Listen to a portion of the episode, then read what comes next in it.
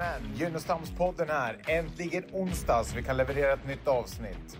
Idag ska vi prata om Ted Bundy. För er som inte vet så var han en seriemördare. Jag kommer gå in på hans historik, kronologi och framförallt hans tankesätt kring att mörda. Vi kommer även komma in på andra diskussioner som psykopati, empati, kontroll och dominans. Så se till att lyssna.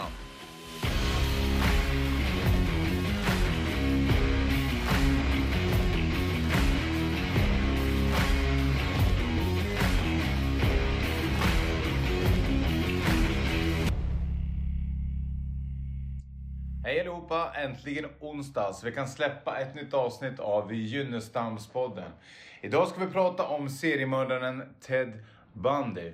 Och förra veckan så pratade vi om dödligt skjutvåld och det var det vi började med våra första avsnitt med. Och det kommer ligga med som ett tema under hela våran podd i olika perspektiv, från olika vinklar.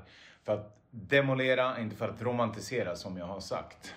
I alla fall, om ni inte har hört på det avsnittet så gå in och lyssna. Det sjuka sammanträffande man kan göra med det dödliga skjutvåldet och seriemördare är utifrån ett psykologiskt perspektiv.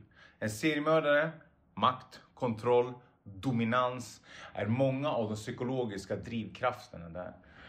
I de här organiserade brottslighetsskjutningarna som slutar med dödlig utgång, det är också makt, kontroll, dominans. Perspektivet är annorlunda, men drivkrafterna är de samma.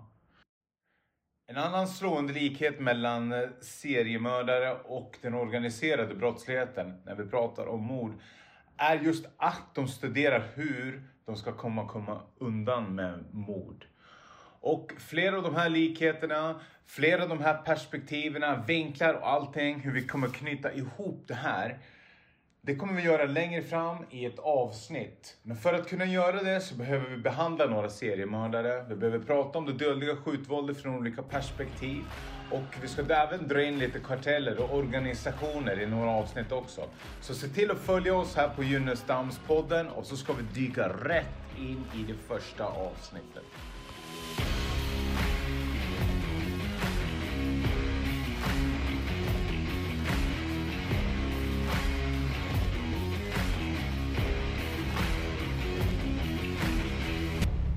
Välkommen tillbaks! Gynnestamspodden är här igen. Ja. Jag klappar i händerna men det låter illa enligt våran producent för vi har ju fått lite påbackning här Johan. Ja, vi hostar Vi slamrar och hostar och har oss, nyser. Ja, Ja. okej. I alla fall. Nu ska vi prata om Ted Bundy. Och jag drar lite här för dig nu och för våra lyssnare. ja. ja, absolut. Ted Bundy, för er som inte vet så var han en seriemördare. En seriemördare är någon som mördar minst tre personer vid olika tillfällen. Ted Bundy erkände på slutet 36 mord på unga kvinnor och även ett 12-årigt barn i fem olika delstater. Fruktansvärt. Och det som särskilde Ted Bundy från andra och som också blev vägledande i slutet för FBI, det var det här. Att passa in var allting för Ted Bundy. Det Bundy förstod, det var att lära sig att bemästra det här sociala, politiska spelet för att komma undan med sitt mörker. Det han gjorde det var att han gjorde allt för att mörklägga sitt mörker och illustrera ett ljus över hans personlighet. Till exempel genom att gå med i kyrkan. Och han jobbar med brottsförebyggande, crime statistics och för att lära sig systemet inifrån. Han pluggade psykologi för att förstå beteende samt smälta in, förstå vad som uppfattas som normalt och onormalt. Sedan pluggade han ju även juridik. Som han uttryckte själv, och det här citerar jag Ted Bundy. Vem kommer de tro på? Den ostraffade juridikstudenten med relation till ett litet barn i bilden som går i kyrkan eller en återfallsförbrytare? Och det här hade han väldigt rätt i. För till exempel när hon Carol Durange, som hon hette, som blev hans fall senare, skulle, skulle vittna så flockades en hel kyrka, kyrka bakom Ted Bundy.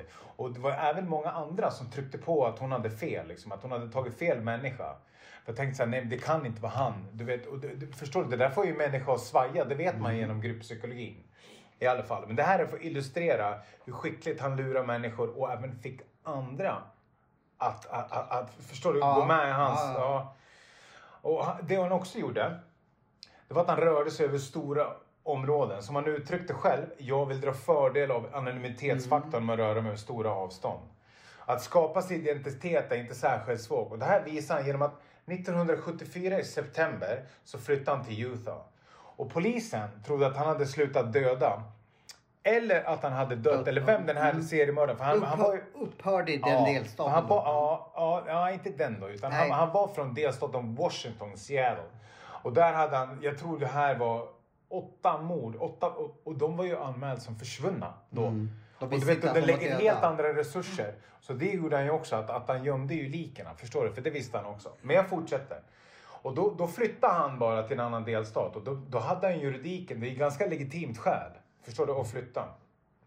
Och vad gjorde han där? Han blev medlem i kyrkan. Han blev döpt där till och med. Gick på kyrkomöten. För att förklara hur lite resurser de la och hur svårt det här var för dem. Polischefens dotter, det- hon blev ju mördad och, och, och, i Midwell, heter det tror jag, där i Utah. Utan att de kom på honom. Och, och förstår du, och, och jag tänker så här, tänk vilka resurser det är liksom när det, när det kommer till liksom en ung kvinna och polischefens dotter. Du vet, för så, är det. Och de kunde inte koppla ihop det med, med, med försvinnanden i Seattle heller. Och det var det, det som David Ducombe sa, som var åklagare sen. För de hade inte samarbete delstaterna emellan. Så förstår du, det här var en skicklig, otäck mördare alltså. Man kan säga att han gjorde sin hemläxa för att bli det han blev. Förstår du den eller? Och när de tog han i Salt Lake City under ett fordonsstopp. Det var en slump alltså att de tog honom. Ja, ett fordonsstopp. Och då, då var det ju Salt Lake City, det, det ligger ju i, i Utah. Och då hade det, vad heter det, i, i hans bubbla då som han åkte runt och körde, då hittade de en ishacka, de hittade rep, de har hittat liksom eh, söndersliten liksom madrass och de hittade även två eh, rånarluvor. Det här var ju liksom jävligt udda. Förstår du vad jag menar? Och det som, var, det som var bra i den här slumpen också, det var att de tog honom i, vad heter det, just där, Karen the Ranch, den samma delstat. Så de tog in henne för en, vad heter det, en sån här vittneskonfrontation. Ja, så det var, ju så, det var ju så de tog han. Och då, där och då, så började de liksom skapa en konferens. Det var i Aspen, Colorado. För då hade de ju liksom eh, haft en, en- haft en journalist som skrev. Och, och lyssna, den här journalisten, han flyttade från delstaten Washington, Seattle och dit. Och då blev man så här, vänta vad är det här? De har samma problem i den delstaten som här. Så förstår du, det var ju liksom det var ju inte det här polisiära samarbetet. Inget ont mot polisen nu. Det är, inte, det är inte det jag säger. Utan det är att liksom bristen på kommunikation delstater Mm. emellan som gjorde och att han studerade här inifrån. Så, så grejen är att genom att han, var så, så, så blev ju poliserna, vänta här, det här måste vi ju liksom, förstår du, det här måste vi ju komma över. Så han satte en ny standard faktiskt för hur FBI arbetar med den typen. Och det här var 1984, det här är ju långt fram, när han liksom satt på death row. Eh, då studerar de honom, fråga ut honom hur man mördar framgångsrikt och hur han tänker. För att du, du, du, du kan ju inte uppfatta världen som en psykopat. Nej. För du är ingen psykopat. Nej, det är jag inte. Nej, jag- Nej, nej, du var inne på det här med Ja. narcissist också. Sådär. Ja, och han var den som liksom berättade för polisen till exempel att seriemördare återvände till Mm. mordplatsen. Så som han gjorde i Taylor Mountain där uppe i delstaten Washington också. Även att man liksom lägger ut falska bevis för att eh, förvirra utredningen. Så då finns det liksom verklighetsbakgrund om man till exempel har sett Lammen tystnar att de tar kontakt med Hannibal för att hjälpa polisen. Ja, liksom. ja. Så då finns det en, en verklighetsbakgrund i sådana serier Ja. där man... Ah, Och du vet, det- är bara det här, det är det här vi ska diskutera just nu. Tänker jag. Mm. Alltså just vad man kommer in på det här. Att, förstår du hur, liksom på 70-talet till exempel, hur det här påverkar människor? Det är det jag ska säga. För nu svävar jag iväg med dig här nu. Till exempel som att lifta. Du vet det här, eh, det hade nyss varit 69, det var eh, Flower and Power. Det var liksom, det var liksom en era av kärlek ändå. Du vet se, seriemördarfenomenet, det, det fanns inte liksom. Det, det, det, kom ju. var den han den eran. första som gjorde det eller? Ja, man Ser, vet, seriemördare, det, alltså det finns ju... det är nog liksom större grejer. Ja, men som, han var väl den som, liksom, det är precis som jag säger här, det säger de också mycket dokumentärer också. Det finns en jättebra dokumentär på Netflix, Ted Bundy Tapes. Där kan man se väldigt, det, det är hans ord och mycket av det jag säger här som jag uttrycker Ja. har jag tagit därifrån. Då ska jag titta på Så det. den är fantastiskt bra. Men till exempel det här som jag säger, Flower and Power, lifta var väldigt vanligt. Mm. Det var det till och med när jag var liten, eller vanligt. Gjorde, men nu ser man ytterst sällan liftare. Exakt, och då tänker jag så här. Att på 70-talet, och de han mörda här nu också, det var unga kvinnor som uppfattades som attraktiva som gick på universitet. Så, så det, det, det som hände där, det var att Tänk dig då om du har en dotter till exempel. Och så säger du så här, ja, pappa jag ska åka och plugga i, ja inte vet jag, 50 mil bort. Och så har du läst om Ted Bundy på nyheterna i olika delstater. Hade du släppt iväg din dotter? Nej, absolut inte. Nej. Och om inte du släpper iväg din dotter, vad hindrar du henne från då? Ja. Alltså du, ja, nej, du har ett svar på det. Jag, kommer inte Nej, nej, jag, jag har ingen svar på det. Men, men, men min tanke är det liksom att genom han Ted Bundys framfart så det finns ingenting positivt med, med, med liksom oskyldiga mord. Det finns det inte. Så är det ju inte. Mm. Men det, de tvingades ju att samarbeta, kommunicera delstater Aha. emellan. Så de utvecklade ett bra samarbete så. För att det inte ska hända igen. Igen, Och okej. grejen är så det, det skedde ju på, på den här så kallade metanivå i Vad är samhället. metanivå för någonting? Ja men det är sociologiska. Du vet det vi pratade om tidigare. Ja, helikopter- Soci- Exakt! Fan, Ja, jag du lär mig, ja. Du kommer bli utbildad. Det kanske inte är så fel med socionomen Nej, då. kanske inte. Okej.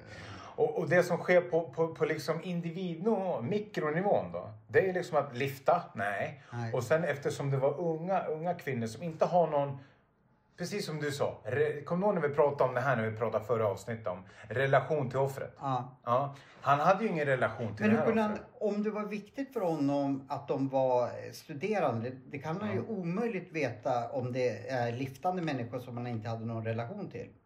Det är sant. Men lyfte, det här att lyfta upphörde ju eftersom han åkte själv i en bubbla. Han var ute och reka och, och alltså, det, kolla i områden och allting. Men just det här, det var ju kring universitet han plockade upp. Aha, och så han bara gissade, ja men den där går säkert eftersom Ja. det står. Må, det finns en reflektion som jag ville bolla med dig. Mm. Han, eh, lite komisk relation tycker jag, men eh, och det kanske inte är så mycket komik i det här, verkligen inte, det är väldigt tragiskt. Men han ville smälta in på något sätt i samhället sa du. Mm. Eh, om jag vill smälta in i samhället som jag alltid har velat. Ja. Det sista jag skulle börja göra då, det är att börja seriemörda. För då smälter man fan mig inte in. Men han eh, ansåg att... Eh, Nej, det var inte själva, nej, nej, nej. Det var inte, det var inte serie, alltså det var inte morden som fick han att Nej. smälta in. Herregud Johan. Det var Det som fick han att smälta in det var att han gick i kyrkan. Aha, det var Att så han det pluggade, ah, att då- han lärde sig vad som ah, ja, uppfattas okej. som normalt och onormalt. Då förstår jag. Ja. För det var Fa- ju väldigt alltså, onormalt att börja mörda folk men- för att smälta in. Nej men grejen är så här, jag, jag tycker på ett sätt så här, och det lät ju lite snurrigt av det nu, men på ett sätt så är det ju bra att det låter lite snurrigt av dig. För det betyder ju att du är ju ingen psykopat, du har ju inte det här... äh, Nej, psykopat är jag nästan säker på att jag är. För jag är för känslig. Ja, Tyvärr. ja du, vet att det Eller handlar tyvärr. Om, du, vet att, du vet att det handlar om empati i Ja. alla fall.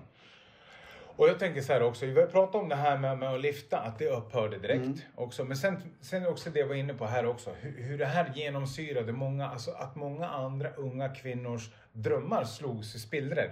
Som inte hade blivit utsatt. Förstår du vad jag menar? Nej. Ja, eftersom offret var 18 till 18-20 års ålder någonstans Mm. där. Kvinnor på universitet, för han gick ju universitet. Så han hade ju tillgång till de områdena och kunde liksom knyta an och prata om eh, Intressanta saker. Han måste vara han kunde relatera, begåvad. förstår du? Ja, han kunde liksom relatera. Och även att han låtsas vara skadad och, be, och hade Ah. ett gips på ena handen. Var han känd för. Och så säger kan du hjälpa mig med någonting i bilen? Så när de sträckte sig in så hade han en kofot. Ja. Så det är det, det, det. Men, men jag tänker här. Hur det här, undrar hur många drabbade, vad heter det, kvinnor, unga kvinnor som ska börja plugga. Som jag sa, hade du släppt iväg din dotter 50 mil bort? Nej. Nej, och det är det jag menar. Undra, undra hur, hur, hur, hur pass mycket det här genomsyrade hela USA. Förstår du? Och undra hur pass mycket det här har genomsyrat oss. För vi vet ju vem Ted Bundy är. Det finns ju, jag vet inte hur många dokumentärer om honom. Förstår Ja. du vad jag menar? Jag, kunde, jag känner igen namnet men jag kunde inte så mycket om Ted Bundy innan eh, det här eh, avsnittet. Eller Mm. nu vet jag ju definitivt mer. Eh, och skulle han ha fortsatt om inte han... Jag kan ju ingenting om seriemördare. Jag tror du har lärt mig skillnaden mellan seriemördare och massmördare. Visste Mm. jag skillnaden. Eh, förrän du förklarade det nu.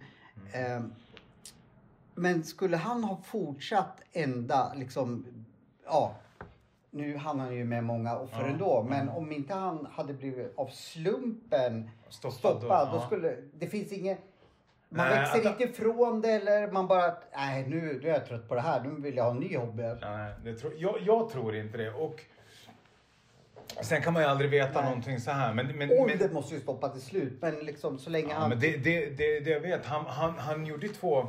Han var ju skicklig på många år. Han gjorde två rymningar. Gjorde han det? Jajamän. Han rymde ifrån, vad heter det, eh, det här var i Colorado, så var det sju meter upp. Han var ju juridikstuderande, så han ville ju, vad heter det, han, han propsade ju på att han skulle tillhöra försvaret till exempel.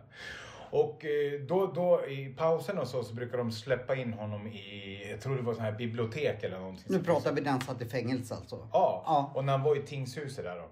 Och då, då berättade han, det här han berättade i, i, intervjuer, att han, att han tränar i cellen genom att hoppa ner och liksom ta emot sig med knäna om och om igen, om och om igen för härda, härda knäna från fallet. Så sen så passade han på i en paus i Colorado gjorde han och tänkte Colorado är kallt och berget alltså. Så han hoppar sju meter ner och springer rätt in i bergen gjorde han. För det låter ju för mig som typ att man kan ta liv av sig om man hoppar sju meter. Exakt. Så förstår du, han, han, precis som, precis som han, han studerade och smälta in och mörda skickligt Mm. och framgångsrikt så, så gjorde han det här. Han gjorde det i allt. Men du som, du vet ju att jag kallar dig eh, socionom-Fredde. Vet du vad? Jag ska fortsätta svara Ja. på det här om man kan sluta eller inte Ja. genom det här. Och med det sagt, andra gången han rymmer, okej? Mm. Då, då, förstår du att efter, efter han har rymt den gången så sätter han på någon sån här säkerhetsfängelse Mm. deluxe. Då svälte han sig igenom. Han gjorde ett hål i taket, gick upp genom taket, gick ut in i fångvaktarnas, bytte om deras kläder och bara vinkade och gick rätt ut genom dörren. han. Och han här, då är han i nordvästra USA, okej? Han tar sig på massa omvägar, han tog flyg till Chicago, han satt på här greyhoundbuss hela vägen ner till Florida. Och då tänker man så här. Och då var han misstänkt för jag vet inte hur många mord, men han skulle ju definitivt blivit grillad för det, precis som han blev. Och då, då tänker man ju, eller då tänker man ju. Om han hade kunnat sluta så hade jag tänkt, okej jag är i Florida. De tog honom med 21, 21 olika kreditkort. Han har ju kommit undan massa mord. Det var ju då han begick det här uh, på Kai Omega i Tallahassee. Var det gick- sista alltså? Nej, det kan du inte vara det. Nej, förlåt, det var ingenting. Fortsätt. I alla fall, då gick han ju in där och, och brutaliserade. Han gick först till ett rum, våldtog, mördade en kvinna, gick till nästa rum, slog ihjäl henne, gick till nästa rum, till nästa rum. Fyra rum i rad i, i, i student, förstår du? Och sen några kvarter därifrån, fem, sex kvarter därifrån så liksom hörde polisen sen ett larm när de var på det här stället. Och då hittade de en ny student där. För- Så förstår du, det, det säger ganska mycket. Svaret på frågan är ju nej, han skulle inte sluta. Exakt! Det är det jag säger. Och, och svaret på frågan är också att det jag tänker specifikt om Ted Bundy, de här skräckinjagande människor, det är ju också att tänk dig de Alltså, här... han såg väldigt snäll ut och såg väldigt så här... eh, Förstår du själv att du Ja. säger en sån sak? Ja, ja. Förstår du då hur han var på att smälta in? Ja. Han var kameleont. Han såg ganska snygg ut om jag inte missminner mig för att vara kille. Liksom Mm. så. Eh, pro, ja men den bilden Mm. jag har av honom. Det, Ja, Mm. en snygg kille liksom. Och Ser säkert- inte ut som en seriemördare. Nej. Nej. Men hur ser en Ja, seriemördare det ut vet då? vi inte. Eh, Antagligen som dig och mig. Nej. Ja, inte som dig då. Nej, i alla fall. Skräckjagande han, jag, jag tänker så här att hans den här mordkraften Ja. under den här tiden han har suttit inne i fängelse för att han har aldrig begått liksom eh, gjort det här.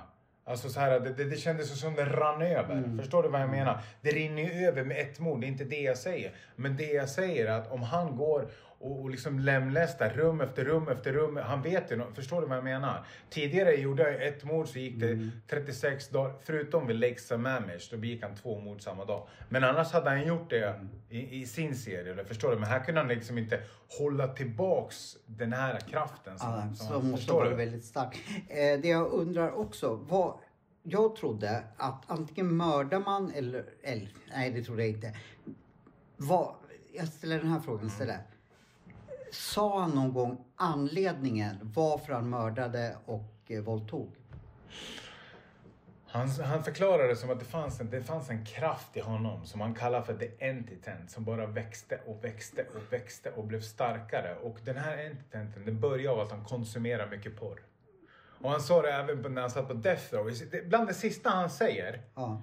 bland den sista intervjun tror jag till och med att det är. Då sitter han och säger att, att, att, det, var, att det, var, det var porrens fel. Man konsumerar porr och där framställer de liksom som kvinnan som väldigt underordnad, att de ska vara dominerade av mannen och då, då använder han det som ett rättfärdigande. Fast jag tror inte att skit... Alltså nu säger han det men både du och jag är beroende. Vi vet att det finns porrberoende och så. Och de Du är inte seriemördare för det. Självklart. Nej, precis. Det där är givet det där. Så med andra ord så, så, så att seriemördare, det, det är knappast någonting du liksom som, som jag tror bara utvecklar. Jag tror, att, jag tror, det här är vad jag Mm. tror, att, att det finns, det fanns i Ted Bundy. Förstår du? Det och, tror jag också. Ja, och, och vad är det som fanns i Ted Bundy? Han var, en, han var en narcissistisk psykopat. Och vad är en psykopat då?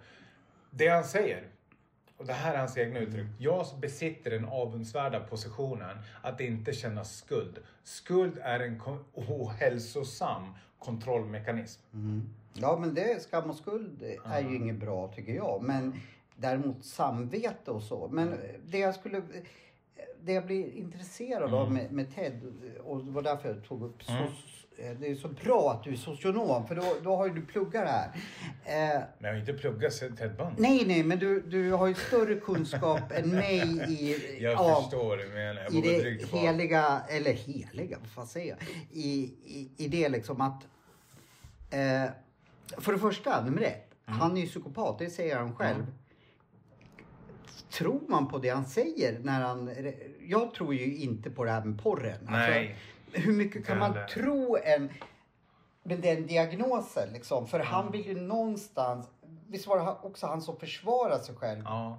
Eh, så han vill ju hela tiden framstå som någon hjälte eller någonting i sin narcissism. Som man inte, ja men det var ju det. Så- så- Hur mycket tror man på det som han säger? Även fast han lägger korten på bordet. Jag har gjort det här. Men han vill ju aldrig framstå, det är här din socionomkunskap kommer in, som en loser på något sätt. Utan han vill ju eh, i... eh, Ja, nu har jag glömt Vet du vad jag kommer in på där? Ja. Jag, jag vet vad du vill komma till. Men alltså framstå som en loser? Nej absolut Nej. inte. Han var ju narcissist. Och en del av narcissismen det är liksom att du, du alltså det, det du gör det är överträffligt. Ja, Det, precis. det är mycket bättre än alla andra. Och sen var det väl också det här att man smälte in. Mm. Men jag tror, han, han hade däremot en psykolog som, som, vad heter det, som han fick träffa i, i, i fängelse. När han blev dömd för, han blev dömd för den här kidnappningen. Mm. Och det var när han satt på det straffet som de kom och började åtala honom för de andra morden. Jaha, så han vart inte dömd för någonting av, från början utan han blev dömd för bara kidnappningen? Jajamän. Och, och i USA på den tiden så fanns det eh, ett straff som, som, som, som jag, jag vet inte vad det heter, men det var, du kunde sitta mellan 1 till 15 år. Och före du gick in där så, så var det en liksom att du fick gå, ja, tingsrätten där, eller tingsrätten säger jag. Ja, men Dom- det... Ja, det Domstol, ja. motsvar, domstolen bestämmer att man ska gå igenom nu evaluation där, förstår du? Och få gå och träffa en, en, en psykolog som ska bedöma om han är våldsam natur, ja eller nej. Mm. Så han fick ju gå och träffa en psykolog där också. Han klarade inte av att manipulera den psykologen. Utan den psykologen skrev i sitt uttalande att, vet du vad? Ja, han, det finns en våldsam karaktär. Han är definitivt en våldsam. Och den här psykologen, han, han tog inte bara, han inhämtade ju inte bara material eh, till exempel från domen, utan han hade ju intervjuat bland annat mamman. Men mamman hon gick i god för hand till, till graven. Det gör väl de flesta mammor. Ja, men han hade, han hade pratat med, med tidigare flickvänner och då var det en, en av de flickvännerna som hade sagt att, att, att rätt vad det var, de var ute och simmade eller någonting. Då hade han tryckt hennes huvud under vattnet och så släppte upp det och så tryckte och hon såg någonting i han där. Mm. Förstår du? Så, så att det var vissa såna här han fick. Och sen så, så, så var han pass, så pass skicklig psykolog måste jag väl också säga. För en psykopat är ju mästare på att dupera. Ja, det var ju därför jag tänker så här. Det kommer inte psykolog Fredrik då. Eller socionom, inte psykolog, socionom att eh, han måste ju, det måste ju smärtat honom att, vad och gör nu för du smäcker producenten, det kan man inte göra under sändning. Jag bara vill påpeka det. Eh, vad heter det? Eh, att han blir avslöjad. Det måste ju svida hon, i honom. Men då tänker jag så här. Att han kanske inte berättar sanningen för han vill ju, om jag har förstått en psykopat, narcissist rätt, vill ju hela Han har tiden... inget fel här. Nej, precis. Nej. Och då kommer han att berätta en tillrättalagd sanning. 100 procent. Och grejen var att Så han... då vet vi inte egentligen vad... Jo, jo, han gjorde ju det här. Om man, du vet, kolla på den här Ted Bundy tapes. Ja, jag ska, Och då, jag ska då, göra det. det han gjorde, det han hade som han trodde Mm. på ett ess i rockärmen som de säger i dokumentären. Det var att han erkände inte något av de här morden förrän i slutändan. Och då säger han någonting i stil med att Okej, jag har massa information om mord, mord som ni inte vet om. Och om inte jag lever, hur ska ni få reda på det här då? då? Och du liksom, förstår du? Alltså, han sparade. Aha. Är du med? Använde han morden till sin fördel. Ja. Att, Då, då passar det att erkänna. Och du vet, det där. Det där var hans liksom esse i rockärmen Mm. i alla fall. Men det där spelade de upp för hans mamma också. Så hon fick yttra sig om det där också. Vad sa hon då? då? Nej men hon tänkte själv. Ja, nej, men jag förstår. Men Alltså jag hon tänkte... var ju helt förkrossad av det där som hon säger. Hon blev förstörd. Hon sa vi har ju döttrar själv liksom. Mm, Och jag, vi har inte uppfostrat honom så liksom. Sa hon ju. Så att det, det, där, det där måste vara devastating för henne. Så man kan råka ut för att, att bli född till seriemördare. Alltså utan att rå för det och bli det liksom. Eller tänker man... Ja, jag vet inte själv vad jag menar med den här frågan men det fanns Mm. Vad, jag redan har i inget svar han... på det Nej, heller. Nej, men- men, men, men, men, men, exakt, i hans natur. Ja. Definitivt, för det finns ju inte i min natur. Det finns ju inte i din natur heller. Nej, jag och jag tänkte att det här ska vi prata lite om eh, efter, efter jingeln här nu. För nu, nu, nu börjar det flagga från producenterna. Ja, därför Märker du det här, va? Jag smekte inte henne, jag viftade med fel. Jag önskar att vi hade det här på Youtube. Framöver ska vi ha det på Youtube. Ja, så du håller Men- fingrarna borta från producenten. Vi tar en paus. Ja.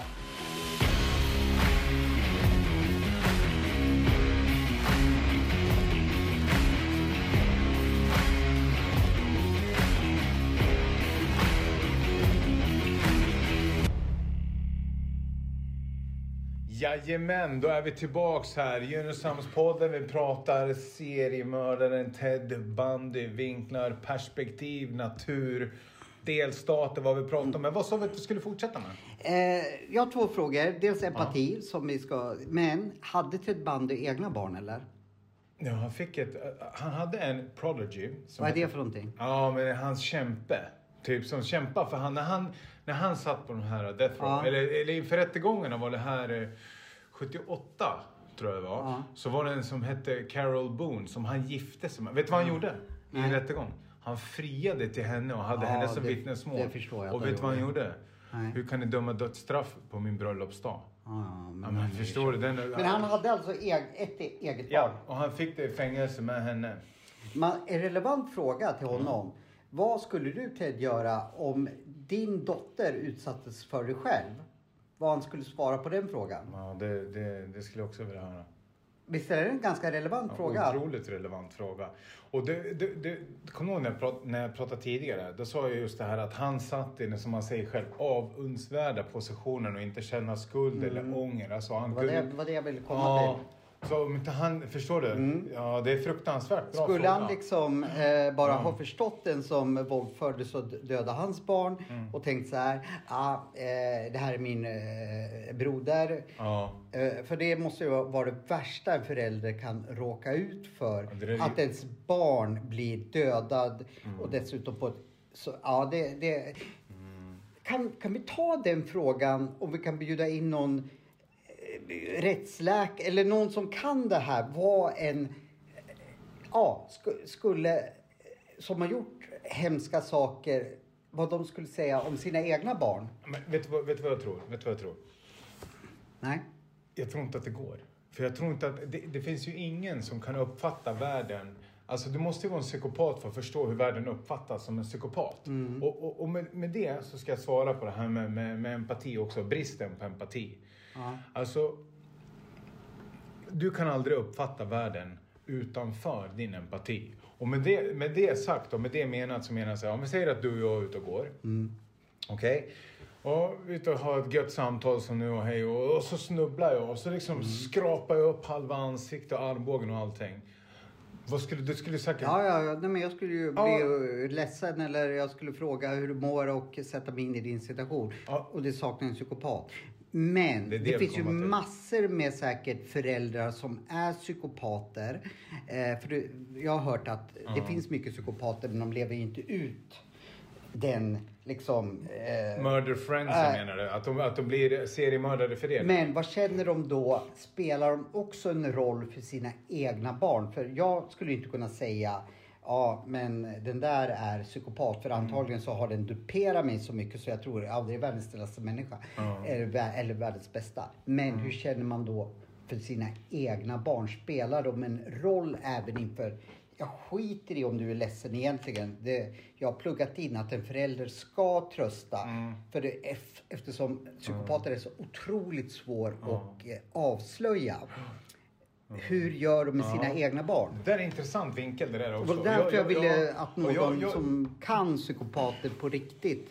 För, för eh, man skulle direkt få skola, det ska vi fråga Jenna om sen, när hon eh, som lärare, så skulle hon kunna Ja men varje gång jag ringer hem till eh, Emma som, som vi säger, hennes föräldrar, om hon säger att hon har slagit sig, hon har gjort det, ja skiter väl jag i.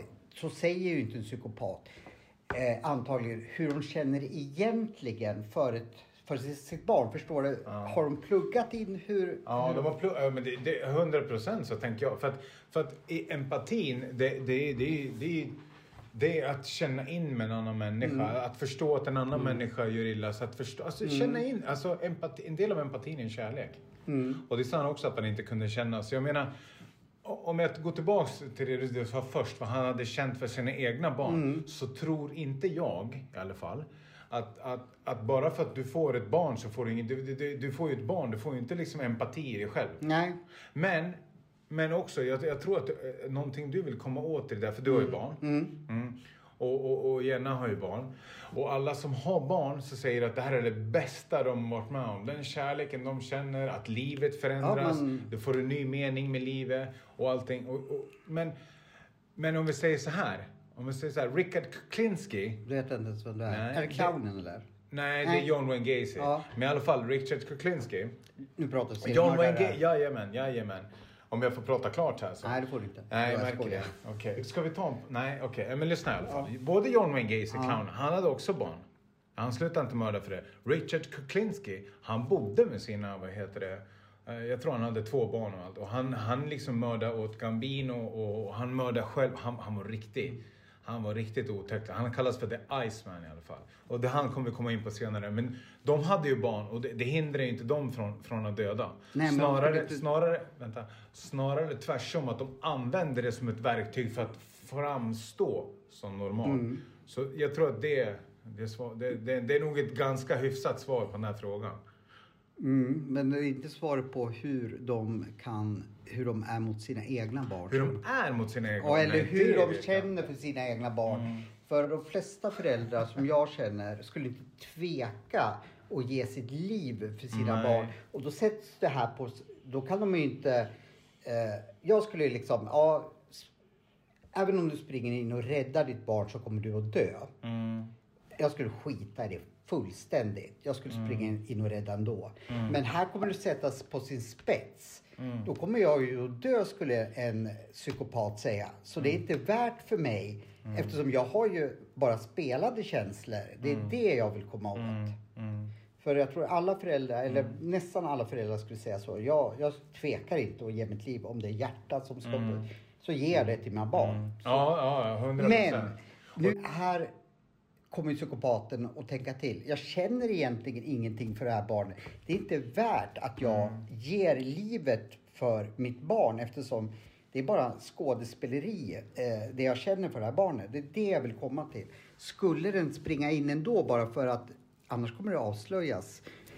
Eh, Förstår du hur jag Ja, menar? jag förstår vad du menar. Och det tycker jag är en jätterelevant fråga som jag skulle vilja ha svar på. Ja, det, ja det, det perspektivet, jag har inte en aning om. Det var därför jag menar att vi skulle Nej, bju- men jag- bjuda in jag- någon som skulle kunna säga, nej Ted Bundy, där skulle Ted Bundy säga, nej stopp. Mm. Jag tror att han hade sagt nej, stopp.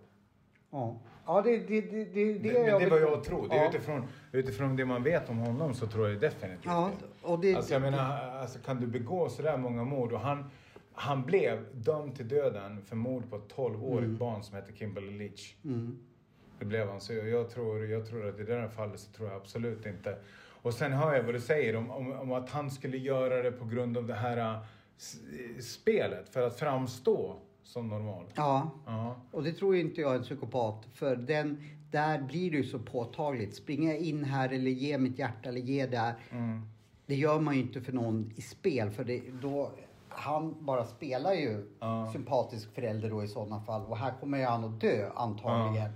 Eh, så då skulle han säga nej, jag springer inte in som då säg 95 procent av alla föräldrar skulle göra utan att tveka. Där skulle, han- skulle han då alltså backa och säga nej, jag står kvar.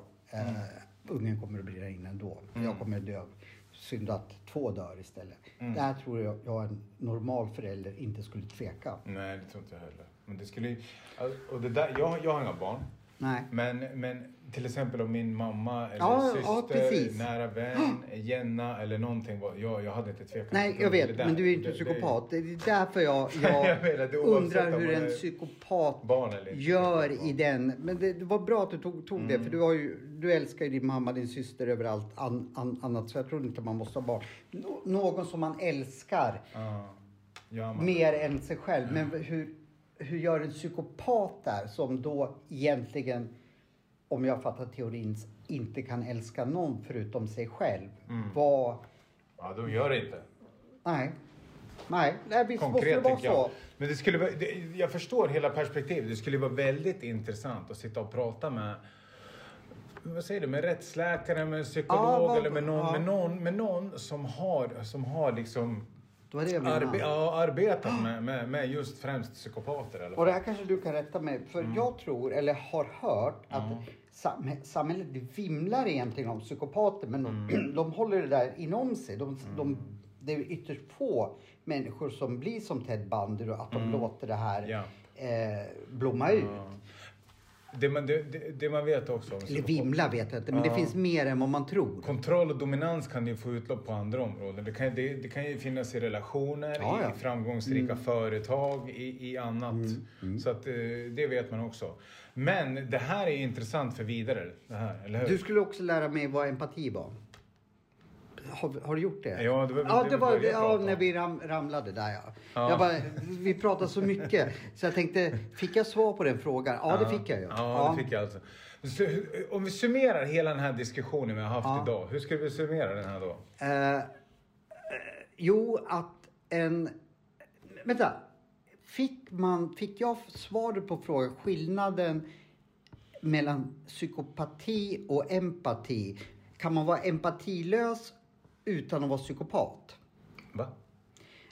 Kan man vara... Jo, Empatilös utan att vara psykopat? Ja, kan- Men jag, tror, jag tror att... Alltså, eller hänger det där... DSM, DSM hänger det de- ihop eller? Ja, är man, det det, det är man empatilös, då är man kriterierna. psykopat. Det är av kriterierna. Ja. Alltså det är av kriterierna. Jag vet bland annat så här, det här, äh, i unga åldrar så vet de till exempel att elda, eh, särskild grymhet mot, eh, mot djur. Djur, ja. ja. Så det är ju en av, en av kriterierna för att vara. Men, men med det sagt så vet inte jag heller att det, det, kanske finns andra liksom, som jag tänker eh, autister. Mm, de kan väl vara empatilösa, Ja, så, så, som är verkligen de här i sin egen bubbla. Ja. Det finns ju liksom autister som, som lider av, av liksom... Det, finns ju, det finns ju olika grader liksom. Och det, och det gör ju inte att de blir utåtagerande utan de vill ju bara liksom vara i, sin- vara i sin egen bubbla. Helst, de tycker inte om beröring Mm. Nej. och de tycker inte om... Förstår du? Så, så det finns ju också liksom andra eh, psykisk ohälsa eller personligt... Jag vet inte vad eh, psykisk ohälsa, diagnoser. Mm. Där, där, det förekommer, men utan att det förekommer våld mot andra personer. Det är det Och jag är komma det, till. Ja. Eh, för Rain Man, om man har sett den filmen, Mm. han kan ju säga om vi ser Rain Man satt där, Johan vad tjock du är. Mm. Det säger ju inte en normal person bara för att man tänker då kanske Johan blir ledsen. Men han tycker det och, Mm. Ja. och han måste säga det utan att han tänker liksom att han vill egentligen såra. För han, Ja, han tycker, han upplever att se det. Och, och då, då, det är ju det som, vad jag förstår av Ja. artist. Men då, då behöver alltså Rainman inte vara psykopat. Det är det jag menar. Förstår du vad jag menar? Ja, det är det jag menar. Det, jag säger att han... Nej, men Men han är ju empatilös. Ja, ja, men det var det jag förklarade för dig. Alltså att, att utåtagerande mot andra, det är väl det. Är det det som är psykopati Alltså- då? Ja, det ingår ju i det. Alltså att du kan utöva särskild grymhet mot till exempel djur när du är ung och sen att du kan göra det också, just det här behovet av, av kontroll och dominans mot andra människor. Det också. Mm. Alltså en, en autism, om man tar en autism, de har ju inget, de vill ju, inte, eller vill ju inte ha ett behov av en annan människa. Nej. Mm. De vill ju vara, alltså den här högre graden av autism. Men, men sen vet inte jag heller, nu kanske jag är ute och svävar och sticker ut hakan Ja, för mycket aning. så här. Men jag har ju jobbat med autister mycket Mm. också. Det finns ju olika grader. Alltså en del ADHD till exempel, som du har och som jag också har. Det ingår i Mm. Ja, autismspektrat. de trodde ju att jag var autistisk Ja, men jag har jättestort behov av människor. Ja. Så att jag menar, så det är ju graden av det. Sen finns det de som, liksom, som kallas för högfungerande och, och, och, Mm. och, och, och, och en annan del av skalan också som inte är det. Du vet, jag har ju jobbat med människor som, som inte har tal utan de, de låter väldigt mycket men de, de har kunnat utveckla en viss kommunikation när de vill ha någonting med en sån här eh, de har små böcker och så kommunicerar de med sån här, vad heter det? papper som de har kvar och så visar de liksom bild på kanske äta eller bild på gå ut eller bild på gå och lägga, bild på borsta tänderna, bild på vara själv, bild på en boll beroende på vad de gillar liksom. Okej, då ska vi gå till avslutning här på Gynnestamspodden. Hoppas ni har uppskattat detta avsnitt. Det är alltid skönt med lite underhållning emellan de här tunga ämnena. Och eh, nästa avsnitt så ska vi komma in på hälsa slash ohälsa. Och vi ska prata om ett fenomen som finns i vårt vackra land. Och det handlar om de här nyårslöftena. Vad är det man ger som nyårslöfte? Jag ska gå ner i vikt, jag ska börja träna, jag ska... Mm. Det är det mest vanligast förekommande nyårslöfte vi har här inne. Men vad är det som gör att man inte håller det här? Däremellan, motivationen, inställningen och attityder. Det är det vi kommer prata om nästa avsnitt. Nu ska inte jag droppa för mycket, men se till att gå in och följa våra konton på Instagram och Facebook, Gynnestamspodden, för att se lite schyssta reklamer, följa våra uppdateringar. Även på Instagram så kan man följa mitt och Jennas liv. Lite längre bak också. Det här har varit en väldigt, väldigt intressant temadiskussion. Kan man kalla det för det? Eller? Ja, tema psykopati, självklart. Ja, ja, det är väl det det är alltså. Ja, är det någonting du vill säga så här som avslutning? Ja, det finns... Alltså allt du säger väcker ju jättemycket frågor, men vi kanske inte har så mycket tid på oss va? Ja, det är väl det. det, det nu, nu flaggas ju här borta nu också. Så att vi, vi bör ju avrunda nu. Ja, nej men då har nog inte jag någon... Men det här ämnet är ju så stort så vi kanske får återkomma till det Och vi här. ska ju fortsätta i det här ämnet också för du kom ju in på det här på slutet. Just det Jag har här. en fråga. Ja. Eh, vi har bara tagit upp en seriemördare idag. Ja. Är alla seriemördare psykopater? 100 procent. Okej. Ja. Man kan inte vara seriemördare utan psykopati. Nej men alltså om du kan känna kärlek och skuld och ånger så ska du gå och mörda. Men det finns ju alltså, lustmördare motivlöst. också. De, de, de gör ju det av någon lust och då måste de ju känna någonting. Annars skulle det inte kallas lustmördare, eller hur? Ska vi ta upp skillnaden med det till nästa avsnitt? Du bestämmer vilka äm- Ja, det tycker jag vi ämnen. gör. Det tycker jag vi gör. Nu flaggas det här. Men Johan Seffer, Fredrik Är Junnestam inte seriemördare i alla fall. och Jenna Junnestam. Ja, hon är seriemördare. Nej men Nej, gud, hon är snällaste människan Ja, på det planeten var just jorden. därför jag sa det. För Ja, det liksom är så långt ifrån Ja. henne som man kan eh, tro. Okej, säger alla ni där... Ja, det gör vi. Och jag vill säga alla ni där ute, var snäll mot varandra. Se till att inte hamna i några konstigheter. Nej, se till att inte bli seriemördare. Ja, tack Hej då. för oss. Hej!